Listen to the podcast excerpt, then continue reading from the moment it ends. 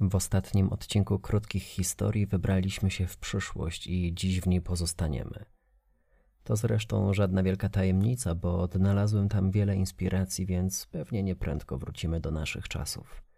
W każdym razie przedstawiam Wam dziś historię miasta, z którego musieli wyjechać wszyscy, poza jednym człowiekiem. Niech czas spędzony w mieście Polaris będzie dla Was przyjemny, a kawa, którą wypijecie w tym czasie, aromatyczna. Dobrego dnia.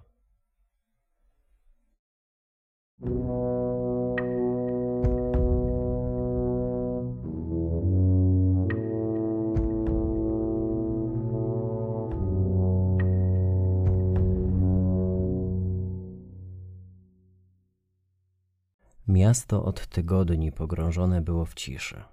Między wzbijającymi się ku niebu budynkami przelatywał jedynie wiatr, zachęcający do ruchu wszelkie pyłki, liście, oderwane od ziemi fragmenty traw i krzewów. Żadnych aut, rowerów ani samolotów. Nikt nie przechodził z psem, nie spieszył się do pracy, nie prowadził dziecka do szkoły. Jedynym śladem obecności człowieka były drogi, wieżowce, cała ta miejska cywilizacja zachwycająca rozmachem i funkcjonalnością. Ale dziś jawiła się niczym pejzaż grobowców na cmentarnej ziemi. Słońce też świeciło mocniej niż w czasach, gdy zewsząd wylewały się rzeki ludzkich istnień. Zdawało się, że można usłyszeć, jak jego promienie dotykają powierzchnię i momentalnie rozchodzi się gorące syczenie, dając do zrozumienia, że nie da się schronić przed żarem odległej plazmy jakby nie mogła jej już dłużej utrzymać grawitacja i po miliardach lat postanowiła rozlać się po układzie słonecznym w poszukiwaniu miejsc oglądanych z daleka. Zerwała się do nich wiedziona tęsknotą i powstrzymywaną ciekawością, rządzą tak wielką, że niebezpieczną. Lecz to nie słońce przyniosło miastu ciszę, a przynajmniej nieoficjalnie. Zgodnie z edyktem Wysokiego Komisarza Metropolitalnego z roku 2523 mieszkańcy miasta Polaris zobowiązani są do opuszczenia metropolii w okresie letnim i udania się na tereny zielone poza jej murami. Miasto ma w tym czasie odpocząć od zgiełku, zregenerować się na kolejne miesiące i oszczędzić energię niezbędną do sprawnego funkcjonowania. Od wprowadzenia tego nakazu minęło pięć lat, ale tydzień inaugurujący letnią ewakuację do dziś jest momentem krytycznym w życiu metropolii. Nie brakuje grup protestujących, które uznają nowe prawo za ograniczanie ich wolności i swobód. Na czas wygnania, bo tak określają ten okres, organizują wielkie marsze, które momentalnie przekształcają się w rozruchy i awantury. Jednak Wysoki komisarz nic sobie z tego nie robi. Protesty rozwiązywane są siłą, bowiem zgodnie z edyktem w mieście nie ma prawa przebywać nikt poza komisarzem.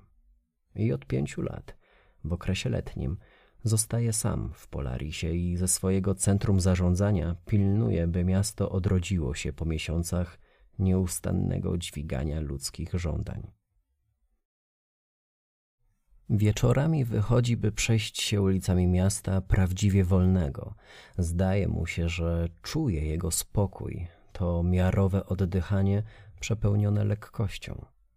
Podchodzi do kwiatów, które pachną intensywniej, do fontan umożliwiającym wodzie beztroską zabawę, dotyka nagrzane szyby, słupy i płyty.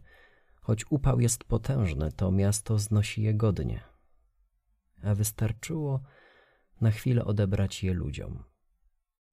Gdy wraca do swojego centrum po wieczornym obchodzie, przygotowuje posiłek. Lekko strawny, bo sytość usypia czujność i spowalnia marzenia. A komisarz wie, że przed nim wielkie zadania, wymagające ciągłej pracy, mozolnego stawiania kroku za krokiem. Do schłodzonej szklanki nalewa wodę, wrzuca kilka kostek lodu, dodaje parę kropel soku z cytryny i kładzie wszystko na stoliku koło fotela. Siada wygodnie. Prostuje nogi, reguluje pochylenie siedziska i powoli spożywa posiłek, wpatrując się w zachodzące słońce. W niezwykłą rywalizację dnia i nocy, żaru i chłodu.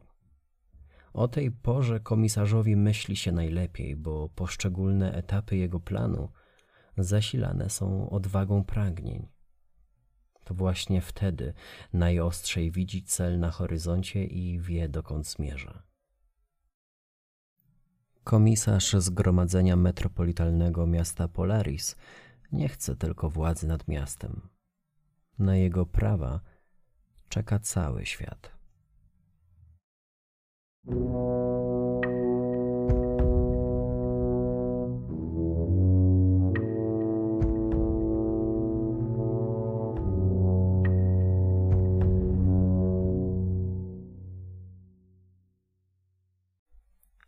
się za tydzień, a ja standardowo proszę o udostępnianie krótkich historii wszędzie tam, gdzie dacie radę.